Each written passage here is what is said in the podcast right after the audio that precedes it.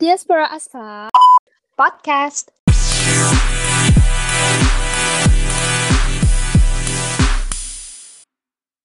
Hey guys! So you're back here on our first episode of Diaspora Asfa Podcast. dengan saya, Fa. Dan Amira. Dan kita hari ini akan ngebahas soal why diaspora AF. I feel like we talk about this a lot. Like we talk about podcasts all the time, but we never actually figure out how we should start. I know. I mean, we did talk about it, but we never actually have to like start. I know. It's weird. Actually, what is our podcast about? Well, diaspora, right? It's about like when people from one country move overseas and and having live having to live overseas for a long period of time, right? Well, actually, okay, this is an interesting topic. Um, so I actually recently read about this paper that talks about it's actually an Indonesian paper. I mean, it's an Indonesian paper as in like there's this guy who just talk about uh apa sih diaspora kind of thing, and he talks about that Indonesian used the word diaspora wrongly. Okay. I, I Hmm? think it's supposed to be meant for people that are being apa ya dijajah and then Ja- yeah, chased out. Right. It's like the Jewish, yeah. Kayak orang-orang Yahudi yang kabur itu baru namanya diaspora. Right. Kayak. But the thing is like the way, the way that he was talking about is that diaspora itself buat Indonesia adalah sebuah kata yang seharusnya digunakan untuk orang who went abroad Mhm. and become successful. Whoa, I wish. you get what I mean, right? You get Yeah, what I yeah. mean? So kayak it's so it's like even the example, and you know, there's even an Instagram called kayak diaspora RI something that I followed. No. Um, dude, like I, it's actually I've been like going, I've been looking through this diaspora. thing. Really? That's new news, dude. No, okay, no, because okay, actually it's not a while, but more like In recent in uh, recent um times? years. Years. Yeah, Wow. I think uh, kayaknya kayak nyokap tuh bilang, oh kamu tahu gak kalau presiden itu sedang mencari diaspora diaspora Indonesia, like yang sudah keluar negeri, and then you know successful go out, went out there, and they wanted to call them back or whatever, whatever, whatever. Mhm. So I was like, oh okay, I wanted to like figure it out like how you know what what do my country wants to pay me. Right. Because all we think is about money. well, dude, you know living is so expensive, living is I so hard. But anyway, so kayak itulah di mana kayak I was looking for the diaspora. And yeah, actually when you said diaspora, orang-orang Indonesia akan selalu berpikir Najwa Shihab and then Maudi Ayunda. So it's like what are we? Immigrants. no. Yeah. No, exactly. Like actually in English, kayak dalam bahasa Inggris semua orang itu selalu mengatakan bukan diaspora tapi uh, Immigrant. expat atau imigran. Oh, well, Yeah. expat is nice.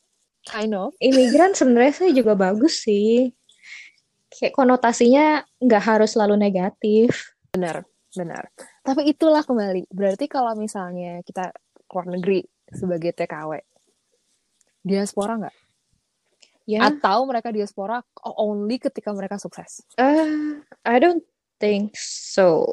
Karena kalau misalnya dari definisi sejarahnya aja itu, aduh, nggak sukses. Karena kan dijajah. Jadi terpaksa keluar. Exactly. so it's it's really interesting. I think, okay, kembali ke kenapa sih kita pilih nama kita diaspora aspa? Asli. I don't know why, tell me. So, okay, it's actually itu lebih ke arah satirical ya. So previously kita sebenarnya pengen manggil podcast kita itu Diaspora Outcast. Secara kita adalah orang-orang yang ber pernah keluar negeri, pernah tinggal di luar negeri, pernah merasakan belajar di luar negeri, tapi kita itu bukan orang-orang sukses. Not yet, hopefully not yet. Ya, Maybe one day. hopefully. tapi itulah setelah setelah gue baca paper itu gue merasa kayak yang excuse me kayak diaspora itu nggak selalu yang sukses kok we are like diaspora outcast tapi akhirnya kita memutuskan diaspora as karena kayak please kita juga diaspora Yes. Give us a space. yes. And Give us a name. yeah, Give us a definition. Give us a place. yeah. But it also fits into our young, modern, like our Yeah. kind, you know. We use the as fuck connotational. All the time. Yeah. We're hyping ourselves up very like, whoa. We're cool, dude. Mhm. Like, oh my god, no. It's super millennial to be honest. Yes. Super millennial. But also, also it's AF karena our names are Amira and Amira and Fa. So 2020 kita 2020. sekarang di tahun Oh, okay. 2020. Right. Ah, sudah memasuki kuarter kedua. It is? Oh my god. Yeah, dude, it's April. So how was the first quarter of 2020 for you? Well, at first it was cool in the sense of, yeah, I tried for the first time to go to the gym, right? Yeah, yeah, yeah, you did, you did. And I kept it up for like three months. And then the price just went up, and then I can't afford it, to be honest. Dude, really? Yeah. Like, how bad? Like, the price has just really gone up, like, for no reason. well, Oh, yeah, wow. I mean, for my broke ass self, I can't afford it for now. But hopefully soon. Yeah, I mean, actually, even I, I, I tried to go back to my old hobby. Which You know, I used to do is capoeira. Was planning to go back as like, you know, another workout. right. build my martial- Yeah, I mean, I think when we finally did it in February, then kayak I think setelah dua minggu, or less than dua minggu, I think like the first week I went for it, coronavirus happened. Right. Right, exactly. I was even supposed to continue in like middle of March, Mhm. but hell, no. The virus, the pandemic. Okay, talking about a pandemic, I feel like we need to talk about this. I I guess because everyone talk about it, but I'm I'm asking more like coronavirus. How does it affect your life? Well, sebenarnya sih nggak terlalu nggak terlalu ekstrim karena kalau kerja tetap masuk, although it's not every day, tapi tetap aja kan ada Mm-mm. yang masa-masa work from office. And um, Karena kayak although think like it's better to use like computer office. Yeah, because I'm more productive that way, and it's much more fun to be Uh, surrounded by the um, the people. people, yeah, that really are, they're very fun actually. We have a lot of good time, and then after like working hours, we could blast music, and then Oh, that's so nice. and my friend would bring like a speaker, so we'll just jam while we work late at night. Oh my God.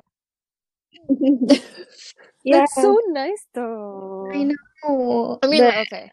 but for prices for them, like bawang putih, bawang merah, oh my God, Oh my God, dude. bisa berapa? 170 something? I don't know. Okay, But no, what about when you? it comes to the price, No, what about you and your lifestyle? Did it really change? So actually, it's not as much for me either because I have been working remote kan. Jadi aku, aku selalu kerja di rumah. Mhm.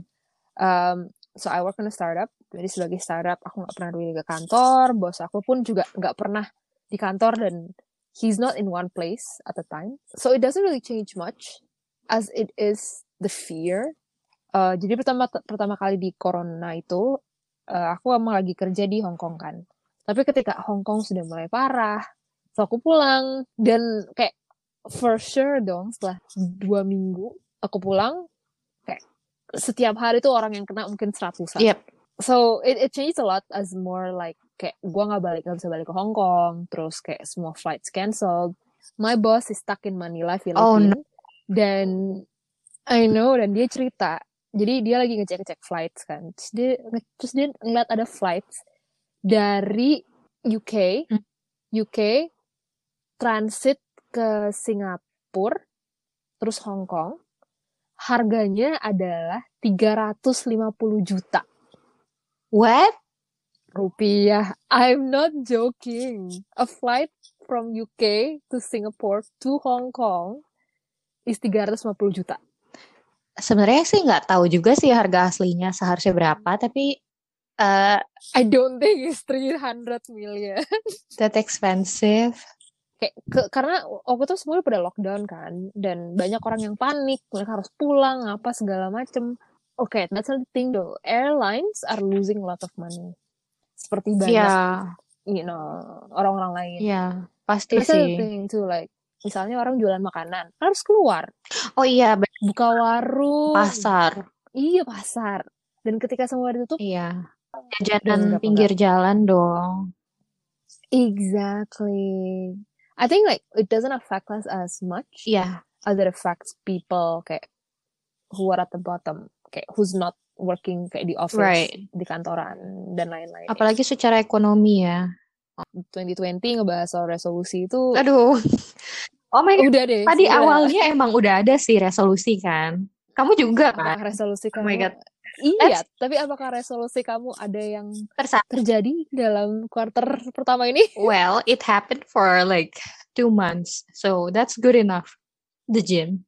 It's better than nothing. Iya. Yang tahun 2020 aku ini benar-benar sangat di cancel oleh Dunia. coronavirus. Karena, karena sebenarnya resolusi tahun 2020 ini buat aku adalah untuk finally punya keberanian untuk melakukan my first solo travel. Masa? Ke mana? No, that's the thing. So I was thinking like of finally doing my first solo travel. Iya. But then later on, I applied for Australian visa because my ex is Australian. Mhm. Sebenarnya tuh eh expire tuh akhir Maret dan waktu itu aku sudah punya kayak enough money lah buat backpacking. So aku pikir aku bener-bener harus make nih visa karena visanya tuh mahal. Iya. Terus kayak aku nggak mau waste visa ini gitu kan. Terus akhirnya aku bener-bener pengen banget ke Australia dan itu sebenarnya satu hal yang aku bilang Januari tuh aku bilang, hmm, pokoknya Maret gue harus ke Australia meskipun hanya berapa hari saja Mhm. gue harus ke Australia dan gue harus melakukan first solo travel ini gitu dan coronavirus Iya. Little did you know, huh? I Surprise. know but that's I mean that's the thing though kayak kita aja nggak tahu kapan coronavirus ini akan berakhir kan That's It's okay. sad. The more money It's you okay. have in savings, right? yeah that's true Unless we spend it all dur- okay. during this quarantine time. Oh my god. oh dude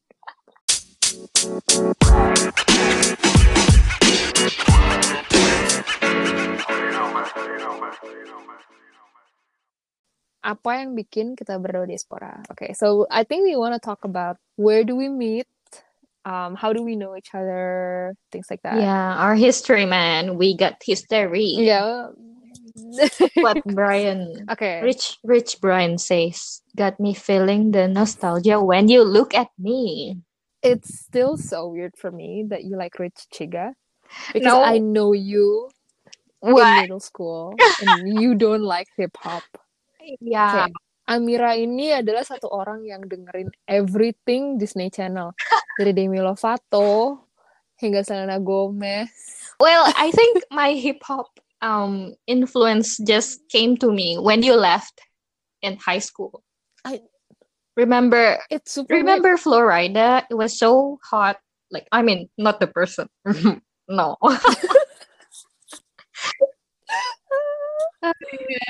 Let's move on. We met in Malaysia. Umur 13 tahun Yeah. kan? We met each other in a special English cl- class, right? Yeah, yeah. So actually that's the thing. Uh, it's okay kalau misalnya bahasa Inggris kamu nggak bagus atau kamu harus ngambil bahasa Inggris kelas bahasa Inggris dulu or whatever. Karena ada orang tuh selalu merasa kayak oh eh, bahasa Inggris lo pasti harus bagus makanya lo bisa ke luar negeri. It's not true. We started from the bottom. We now we're yeah. here. We're right in our own rooms. Hashtag brave. Right, right. Continue. Aku dan Amira itu kita adalah dua orang Indonesia yang seumur beda 16 hari. And for other people, kayak buat orang-orang lain di sekolah itu, kita mirip-mirip, padahal kita nggak mirip. Nggak mirip sama sekali. Kalau kalian bisa ngeliat fotonya, oh my god, no. Iya, kita nggak mirip sama sekali. Bahkan kayak mungkin kalau kalian dengerin tuh suara kita tuh beda. Banget. Suara kita beda banget. Tapi buat orang tuh pasti ketukar-tukar antara Amira dan Fat. Semua orang pasti ketukar-tukar for some reason. Cuma gara-gara kita orang Indonesia, yeah, I think that's the thing. I think the problem is also like kayak kita tingginya sama, Yeah. rambut kita panjangnya sama. It's as simple as that. Dan Yeah. i- yeah, it's just what it is. But you know, karena kita ketemu waktu itu dengan terlalu banyak similarities ya, eh, kita juga jadi akhirnya melalui hal yang sama, tapi we're growing up differently. Yeah. And I think Yeah. it was under like apa ya? Misalnya orang tuh cinta lokasi, tapi kita tuh bertemannya ka- karena lokasi gitu. So honestly, waktu itu, uh, do you have any cultural shock when you first came to Malaysia? Like apa sih bikin kamu nggak nyaman? Oh my God, I can remember very clearly pas pertama kali datang ke sekolah kita dulu. That's the first time I saw um, a very tall, a very dark-skinned person, and then it just, well, I didn't know, I didn't know anyone that is very dark-skinned. I saw Yeah. it in movies, and then it just freaked me out. And then I came crying to my mom, like, I don't want to be here, like that. And obviously the language also, although I understand them, I just don't know how to Yeah. reply. Okay, that's actually it's actually really okay. You just bring up a really important subject actually. Karena banyak orang yang sebenarnya ini juga aku, aku ngeh ya dari misalnya orang yang kerja di rumah itu tiap kali uh, gue nonton film yang ada orang you know African American atau orang African gitu yang kayak dark skin bahkan kalau ada orang Papua gitu kayak movie with Papuan in it itu kadang orang yang di rumah tuh suka ih apaan sih tuh rambutnya? Kayak Yeah. begini. Oh serem banget. Ih begidik. Oh oke. Kayak it's actually a really good thing that you raised. Because okay well it is a form of racism you can't blame someone kayak yang kita belum pernah pengalaman what I Yeah. mean especially kayak waktu itu kamu kayak umur 13 tahun ya Yeah, sih? true. but I think a lot of people kind of like sometimes attacked you for it or Yeah. whatever but yeah it's it's actually a culture shock ya nggak sih it's, it's a culture shock and it's normal for us to kind of like oh ya ampun kayak gue nggak pernah melihat orang seperti itu but I think it's just a good thing like later on that you're like oh you know turns out uh warna kulit it doesn't define a person they are it doesn't define kayak anything beyond the Yeah. skin I think I think what's I think what's great about being a diaspora atau kayak uh, memiliki pengalaman di luar adalah kita jadi harus terpaksa dan dipaksa dan kita juga ikut belajar Mhm. ya untuk membuka pikiran and try to be comfortable in what we don't Right. understand. Because we have no choice. We have no choice. Like it's it's it's definitely like going out of your comfort zone. Oh my God, yes. But it's good though. I mean, look at look at look at what it brings us now. Right. I mean? Kayak, like looking back, even when I work here, I keep hearing Mm-mm. people talking about dark skinned people or very like white skin, fair skin, like Western or African. They'll be like very racist towards them. And it's so sad. And I'm trying to like make them realize to not call them a certain name because that's very racist. But they, they just Right? don't understand because it does not apply to them. Right. Yeah, exactly. I think it, it comes back to that. Like I said, right? It's like kalau misal kita udah termasuk udah udah di dalam sebuah comfort zone, terus kita kenalnya sama dia dia aja orang yang sama yang yang menurut kita nggak mirip dengan kita, tapi kalau kita melihat seluruh dunia itu emang kayak orang-orang kalau kita tinggal dalam sebuah negara dan itu di mana kita lahir, di mana kayak semua orang itu berbahasa yang sama dengan kita, itu pasti kita pada akhirnya tuh hampir-hampir sama gitu dengan satu sama lain, kayak secara kultur atau segala macam. Tapi kalau kita melihat kayak dunia di luar sana, kayak you'll be surprised about how they look, about the culture, about anything dan everything. Then it's it's easier for you to be more open-minded when you go out Yeah. compared to when you stay in. Yeah. I think if anyone and everyone has a chance to like experience life outside their own home country, it's Mm-mm. very it's a very good experience to have. They're gonna experience like they they're gonna be more humble. They're gonna be more Yeah. open-minded. They're gonna try to respect other people, hopefully. Mm, mm, mm, mm, mm. For sure, for sure. Karena dalam artian yang sebuah rasisme itu sebenarnya bukan hanya bukan hanya kayak orang Indonesia keluar gitu maksudnya ke ke orang Afrika atau ke orang bule gitu Mhm. tapi sebenarnya rasisme sendiri tuh juga ada di dalam negara kita sendiri Bener gitu banget. kan hal-hal simpel kayak oh ya ampun gue orang Sumatera lo orang Jawa Iya. atau itu lihat ada orang Nusa Tenggara atau orang Papua kayak we hear so much about the rasisme Iya. murid-murid Papua lalui di Jawa dan I think the growing diaspora itu suatu hal yang baik ya for in here like it's an advantage Mhm. karena kita sudah terbiasa melalui orang-orang yang berbeda bentuk berbeda berbeda bahasan berbeda segala macam jadi kita lebih gampang aja sih nerima Iya benar. orang yang berbeda daripada kita Iya. Mm-mm. Dan untuk orang-orang yang kayak kita itu apa ya? Kita tuh bisa lebih cepat adaptasi ke lingkungan baru nggak sih? Mm-mm, mm-mm. karena kembali seperti yang aku bilang terpaksa Bener banget. kita terpaksa harus melakukan itu dan dan there's nothing wrong with it Iya. it's it's really good it's uh, it's pushing it's pushing the boundaries of your comfort zone sebenarnya Iya. nah so we did talk about so much advantages kan Mhm. so much advantages what is the ad- the disadvantage Hmm. because you did like you did say kayak pertama kali kamu datang um, kamu takut Mhm. looking at people who are different it's it's a disadvantage that leads to advantage ya nggak sih Right. terus what are other disadvantages you came across When living. when you first like Oh, right.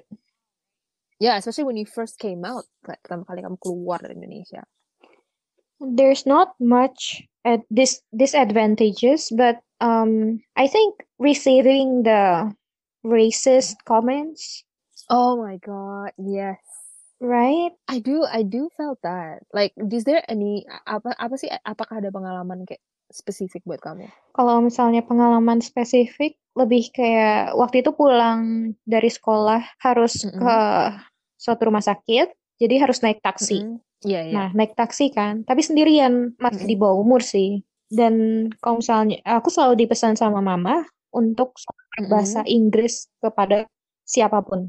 Ini cuman karena bukannya sombong atau gimana, tapi karena kita em, tinggalnya di Malaysia, di mana waktu itu tuh kita apa sih? Kita tuh kayak ada perang, perang neg- perang apa sih? Iya. Nggak sih? Atau apa ya sebutannya? uh, trade war. I mean, I, I don't think it's trade war necessarily. Uh, kayak sekarang, oke, jujur menurut aku sekarang hubungan Indonesia dan Malaysia itu lebih baik Jauh lebih baik. dari Oh my God. jauh lebih baik daripada waktu itu. Tapi waktu itu pun antar bahasa pun juga sangat berbeda waktu itu. Dalam artian orang Malaysia tuh gak begitu paham dengan logat Indonesia kita, Iya. dan kita juga nggak begitu paham dengan logat Malaysia mereka. Karena kalau mereka ng- ngomong tuh suka cepet banget. Iya, gitu. sama aja kayak kita Dan ngomong mereka tuh sekarang kan cepet banget kan. Iya. Dan mereka tuh selalu merasa kayak, oh lo pasti paham deh bahasanya sumpun. Padahal nggak juga gitu. Kayaknya Iya. eh, mengikuti logat mereka dan memahami logat mereka itu pun kata-kata mereka juga gitu loh. Iya. It takes that long. Tapi kayaknya waktu dulu tuh lebih ke perang budaya nggak sih? Kayak perebutan em, budaya siapa milik siapa.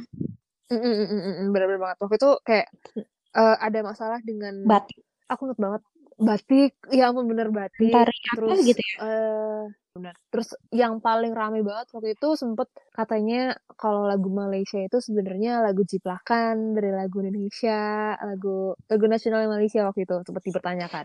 Oh my God, don't you know? Even when my grandma first came, uh, because early in the morning they would have the national song, right? Yeah, yeah. Yeah, and then and then she started singing, but not along with that lyrics. Cause okay, I found out what happened was kayak Soekarno kan ngebantu Malaysia untuk independent and then he decided to give one to give a song to them too, Exactly. It's not like without giving the right yeah, exactly. It's not like it's not so much about like stealing. It's just you know the exchange. I don't know. There's no confirm like apa ya? There's no confirmed copyrights. I think. Although I think, it- I it- there's a digital yeah, oh my god. There's a digital record where the original singer sang the song. Yeah. Yeah, yeah. Yeah. It's it's like it's like a full on record or something. Yeah, so anyway, um what I experienced was I was riding in this taxi and then he started talking to me but he was questioning my what is it? Logat logat bahasa Inggris, right?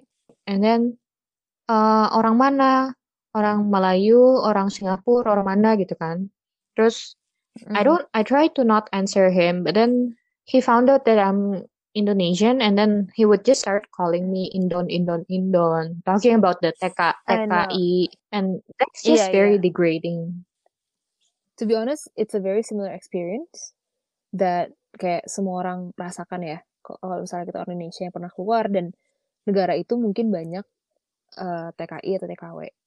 Dan negara-negara itu kemungkinan kayak mungkin Saudi Arabia, terus Singapura, Hong Kong, Malaysia, Brunei Darussalam. Mhm. Ini kayak adalah kota-kota yang paling banyak tuh pasti orang Indonesia di sana tuh pasti bukan expat tapi TKI, TKW. yeah Nah, em, gue sendiri kan dulu ya kita kan di Malaysia. Terus habis di Malaysia itu gue pindah ke Hong Kong. Kebetulan gue mau kuliah di Hong Kong. Dan itu juga gue gue merasakan yang sama, sumpah. It- ini mungkin eh, kalau buat gue akan ada mix dengan em, episode berikutnya ya, yang mengenai pacaran beda bangsa. Dan itu tuh hal yang sama di mana eh, ketika ada orang melihat gue gitu kan, melihat gue dengan eh, mantan gue waktu itu yang orang Australia, dan orang tuh selalu menganggap ah lihat deh kayak tuh TKW ngegoda oh my bule," god gitu. Satu I know there's so much kayak stare, semua orang selalu ngeliat dan semua orang kemudian udah beranggapan tuh kayak yang si cowoknya pasti banyak duit dan ceweknya itu pasti kayak Oh pembantunya my yang dia nikahin atau segala Iya. macam. And it's like I can't I can't blame them for having that kind of perspective atau stereotype. Tapi it- it's just really bad gitu. Karena sebenarnya gue ketemu gue ketemu dengan mantan gue itu karena kita satu SMA. Dan believe it or not, satu kayak gue SMA selalu bayarin. Oke nggak satu SMA, tapi kita ketemu waktu kita di SMA. really Kita ketemu waktu Iya, kita ketemu di SMA. Kita ketemu di konferensi di SMA. oh konferensi ya So, kayak gue juga harus nyalahin orang ya mengenai stereotip ini. Tapi ya gimana gitu. Sayangnya ada banyak orang yang mungkin there's no offense ya. Kayak gue nggak pengen nggak pengen bikin ofensif, tapi mungkin orang-orang yang susah gitu loh, susah untuk survive di luar negeri. Mereka juga harus kerja keras kan. Terus udah gitu harus me- membiayai keluarga mereka di rumah dan kemudian mereka juga dapat eh, rasisme-rasisme seperti ini gitu. Misalnya, oh lo tuh TKW, oh lo tuh cuman ini doang gitu lo helper eh, lo tuh nggak banyak eh, apa sih kayak kerjaan lo tuh rendahan. Padahal mulia. Gimana kemudian iya I mean in the end of the day kayak mereka kerja di luar itu karena mereka mau biayain keluarga mereka Hmm. gitu.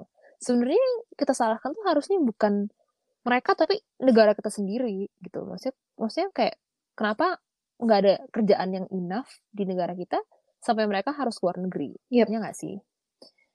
Nah, tapi kadang orang-orang orang-orang kayak TKI, TKW ini mereka keluar dan kemudian mereka merasa, ya gue capek gitu, gue capek nggak dihargain sama orang dan nggak dihormatin. Dan kadang the best way out ya nikah dengan orang negara itu gitu kan, karena mereka dapat paspor, dapat visa, dapat apa segala macam yang kalau mereka nggak nikah dengan dengan bule atau dengan orang lain tuh akan susah Iya. gitu loh. But it doesn't help the rest of us yang akan pindah Mhm. juga. Like it's it's really hard. It's really hard about you know kalau kita harus bicara tentang rasisme stereotip negara tuh emang sangat-sangat susah sih Mhm. honest. Dan eh, itu tuh hal yang nggak nyaman juga Iya. gitu. Karena kita nggak Um, bisa one sided juga sih kita harus harus mau Iya. dengerin sisi mereka juga kan Iya makanya akhirnya pada I, I think in the end of the day it's like when we're more aware of the issue kita akan lebih eh Terus- kayak mengedukasikan orang Iya. ya nggak sih cuman waktu itu obviously kayak kita kayak kamu waktu itu baru mungkin 13-14 tahun ya nggak Iya. sih? Kayak what do we know? Nothing. ya nggak sih? Like we know we know nothing. Disney Channel. That's it. Yeah. And then when someone talk to you and feels degraded yeah. what, what what what can you do right?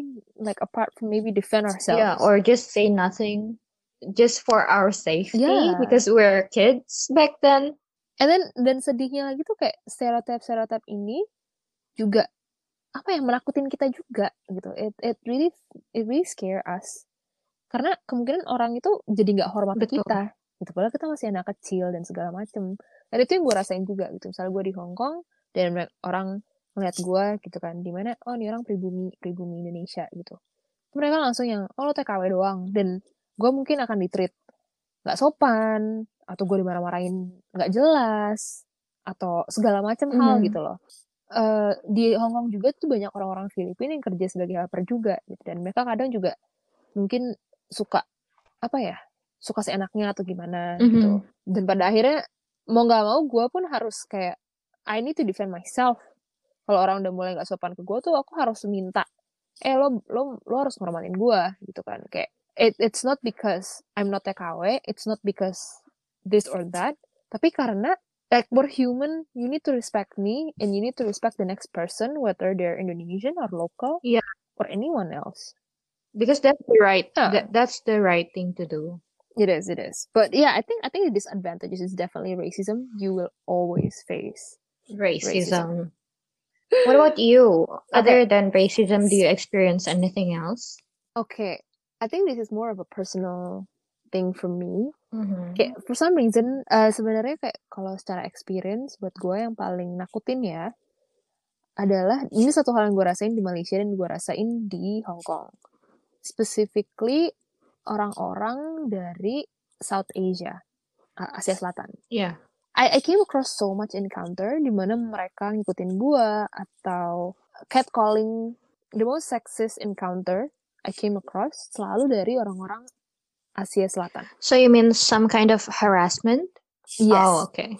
Yeah, it's it's a lot of harassment I feel like that I came across dan itu sangat it's it's very uncomfortable.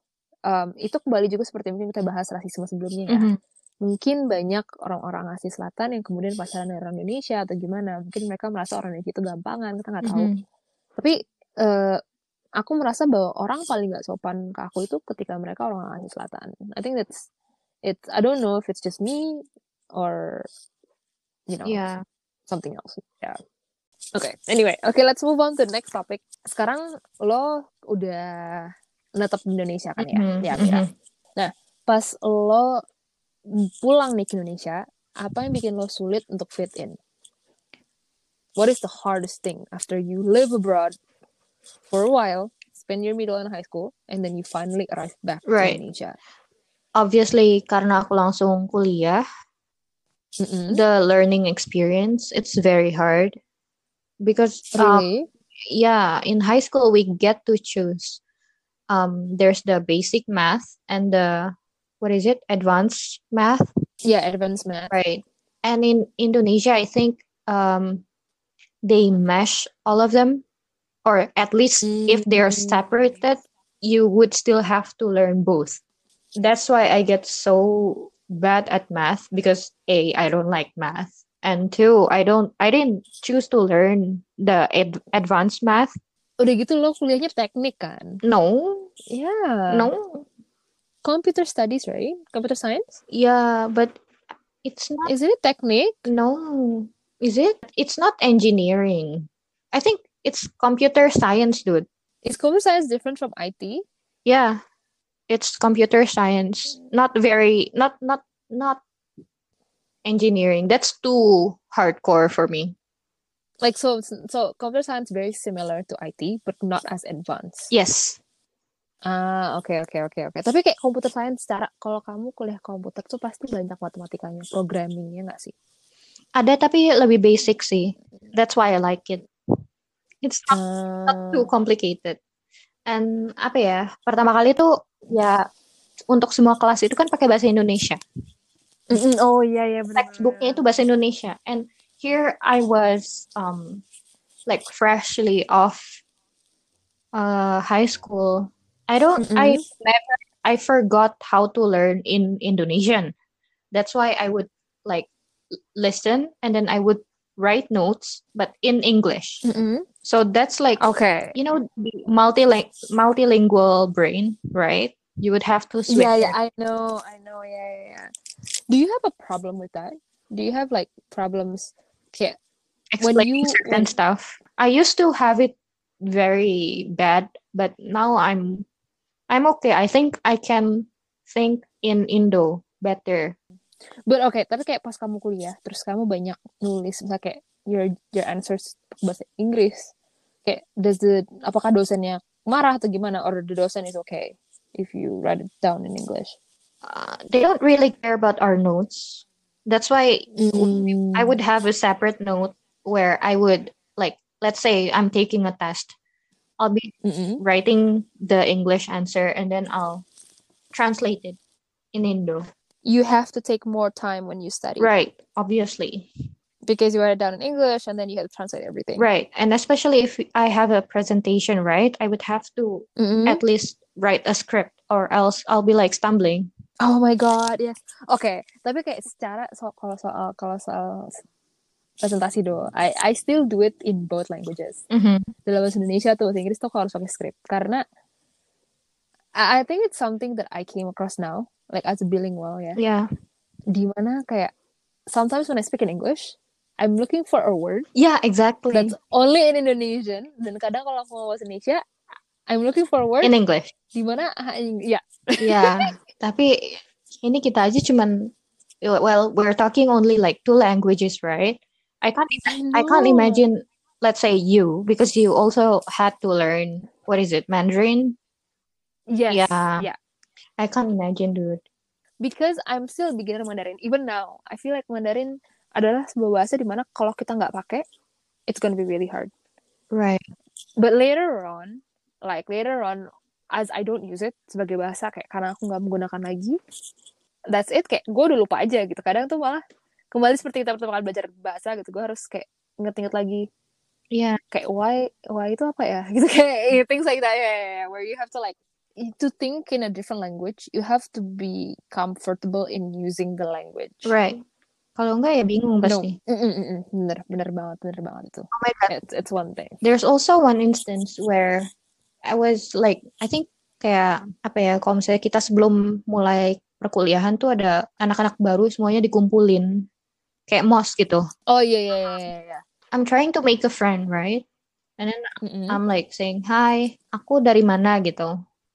Mm-mm, dia mm-mm. juga bilang aku dari mana? Terus I went home I told my family about it and then I told them that I met someone and they're Yes. from Jambai. Jambai?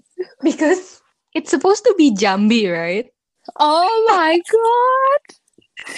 But because it's E but I thought of it like I so I have to read it like Jambai. And then everyone laughed. I'm like oh yeah I forgot. I don't even know. That's so embarrassing. But I remember that all the time. Oh my god. Like even for Oh pronunciation you have to remember how because it's different A and A right? Yeah yeah Yeah. true. It doesn't happen to me though. Oh thank God. Kebanyakan kayak native English speaker selalu bilang kayak kalau aku itu nggak punya aksen or aksen aku Yeah. tuh aksen Amerika. Mm-mm. tapi at the same time tapi mereka tuh merasa gue tuh punya masalah dalam certain pronunciation or certain words lah. So another so one thing is like salmon salmon? Salmon. Yeah oh salmon. salmon. Salmon. Yeah I always say it salmon. I always said salmon with an L. I always do. I the thing about me even speaking English aku tuh selalu baca words per words. Right right. So kayak for a while I remember like I always said like oh what are we eating tonight? Salmon. Oh salmon. Yeah it's good. Be- but they always like salmon. they give me this look. They right give me this look. It's like what are you saying you're eating? I was like salmon.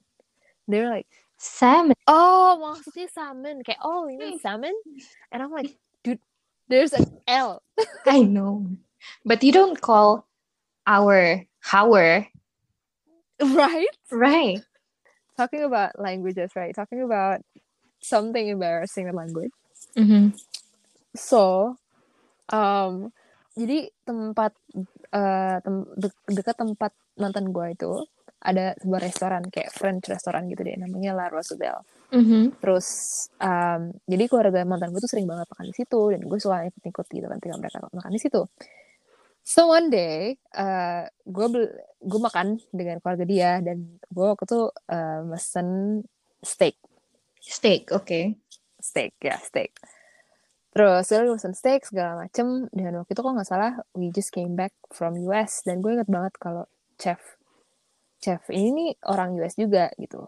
Terus mungkin waktu itu gue juga lagi bengong apa gimana gue lagi nggak fokus terus eh, kita abis makan nih gitu. Terus chefnya datang kan terus chefnya datang chefnya ngobrol lah gitu kan dengan mantan gue dan dengan keluarganya segala terus mendadak dia ng- nengok gue gitu. Jadi dia kan African American terus menurut gue tuh logat dia ada aneh. Jadi kayak semacam southern southern hood gitu loh kayak southern tapi ada hood hood.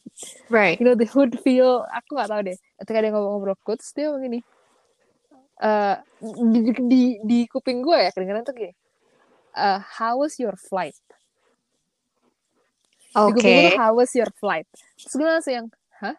Kok dia tahu? Gue baru baru terbang kayak "Hah, kok dia tahu gue baru ke US mungkin dia tadi ngobrol kali ya mantan gue terus gue ngerambel gitu dia bilang oh eh, flightnya lumayan kok cuman Oh kayak pas gue ke LA itu eh, aku nggak nyaman gitu dan everyone like everyone in the table tuh gue kayak yang what terus mantan gue ada yang ngedongak gue gitu terus ngomong yang eh, babe he asked how was the fillet Oh no. That is so far. The filet mignon the steak Oh that my- I was eating Oh god. Oh, dude, I have a similar similar instance oh. that happened to me. okay I was in I think high school. Mm-mm. We took the trip to Pangkor, right? yeah yeah we did we did we did And then we were I think somehow I was in the same bus as oh Or- yeah, yeah yeah yeah yeah I think I remember Yeah. that I think I yeah. did Uh and then he was like, "So, do you have M&M?" oh uh, What did I answer? Yeah, I like Eminem. the singer, the rapper. Oh my, oh my god. And then I I sit down and he was like he he he he just laughed and then he left. I was like, oh, oh my god. That's not so bad though. Wait, so bad. I had a crush on him, okay? I thought I ruined my chances with him. Oh, no, it's cute. Eminem and Eminem, it's cute. Yeah, that's oh my god, that's oh my god. No. But everyone, but everyone look at me. I was like, oh, oh, the fillet. It's really good. No, okay. And I didn't tell you the worst part. Okay. So the worst part, this is not the first time I this happened to me. So this chef is an is American African American chef. So kayak dua tahun sebelumnya, eh, dia itu kerja di sebagai kasir di salah satu kayak toko yang jualan daging gitu deh. So Right. that that place is also selling sandwich. So he works as a cashier and he works as a chef. Nah, Mhm. Terus waktu itu gue datang dan gue waktu itu kayak eh, kayaknya mau beli I think I wanted to- to buy some beef jerky. So aku mau beli beef jerky so aku ngambil beef jerky. So aku langsung dia bayar ke dia it's all good everything's great. Terus and then he look at me dia ngeliat aku so aku langsung yang dia nanya kayak are you Indonesian? And I was like oh uh, how do you know? I said oh and then he was smiling he was like oh yeah cause my girlfriend is Indonesian. Again I told you ya kayak logatnya tuh kayak southern hood. Yeah, yeah. dan dia kalau ngomong tuh sangat soft gitu. Yeah. jadi buat gue tuh kuping gue tuh perlu dikorek tuh bener-bener denger ke dia gitu kayak apa sih dia ngomong? Apa sih? Gitu gitu oh Indonesian. Terus Okay. aku bilang iya. Terus dia bilang oh my girlfriend is Indonesian. Kata dia gitu. So aku langsung oh I see. Oke gitu. Udah kan? You know secara gue lagi nunggu nih maksudnya nunggu dia ketik-ketik gitu kan di kasir. Terus ya gue saya hi bye. Sih gue kayak basa-basi lah. Terus gue bilang oh uh, what about you? Where you from? Dia gitu kan. Oh ya gue dari Amerika I can't remember what city. Dia ngomong kayak which city he has and I was like oh yeah I know that area. Terus aku nanya kan kayak oh jadi eh keluarga kamu semua eh, di sini apa di sana? Terus dia bilang oh my wife is in US ya gitu. So aku sempat yang okay wait. He said What? his girlfriend is Indonesian. I know. Yeah. and then now he said his wife is in US. I was like, oh, okay. I was like, oh, are, are you planning to go back to US? Again, I wasn't sure if I hear it right at first. Mm-hmm. So I was like, are you going back to US? It's like, oh yeah. I, I wasn't listening. I literally was drawn off. Like I I like suara dia tuh gak jelas dan aku kayak whatever deh. I, I, I- you know, I'm just making basa-basi. Yeah, yeah. And I heard kayak da- di, di kuping gue tuh dia tuh ngomong iya gue mau balik ke US karena apa and then I said that's good Oh my god. Okay. And then I- he gave me this look. He said, Why is it good that I'm divorcing my wife? Oh shit. and then I said, Because now you're free. that was exactly kayak literally dengan tone yang sama cause now you're free must be so uncomfortable, dude. terus dia dia liat aku langsung gitu terus dia langsung dia tersenyum dia bilang you know what you're right I was like thank you Thank God. Thank God. Spare me my life.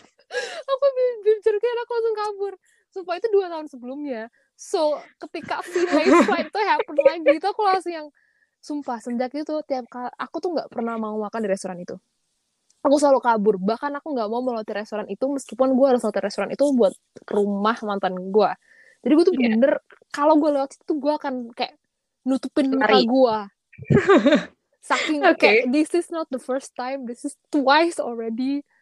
Exactly. But that's very memorable and hilarious. Good for this podcast. it's the same person Yeah. Oh my God, I can't imagine. Let's move on. Next part. Okay. I think we're done. Actually, we're running out of time. I think we're, we're running. So I know. anyway, um, we're actually running out of time right now. Um, we're running past our time. Who? soon Oh my God, Engsun. soon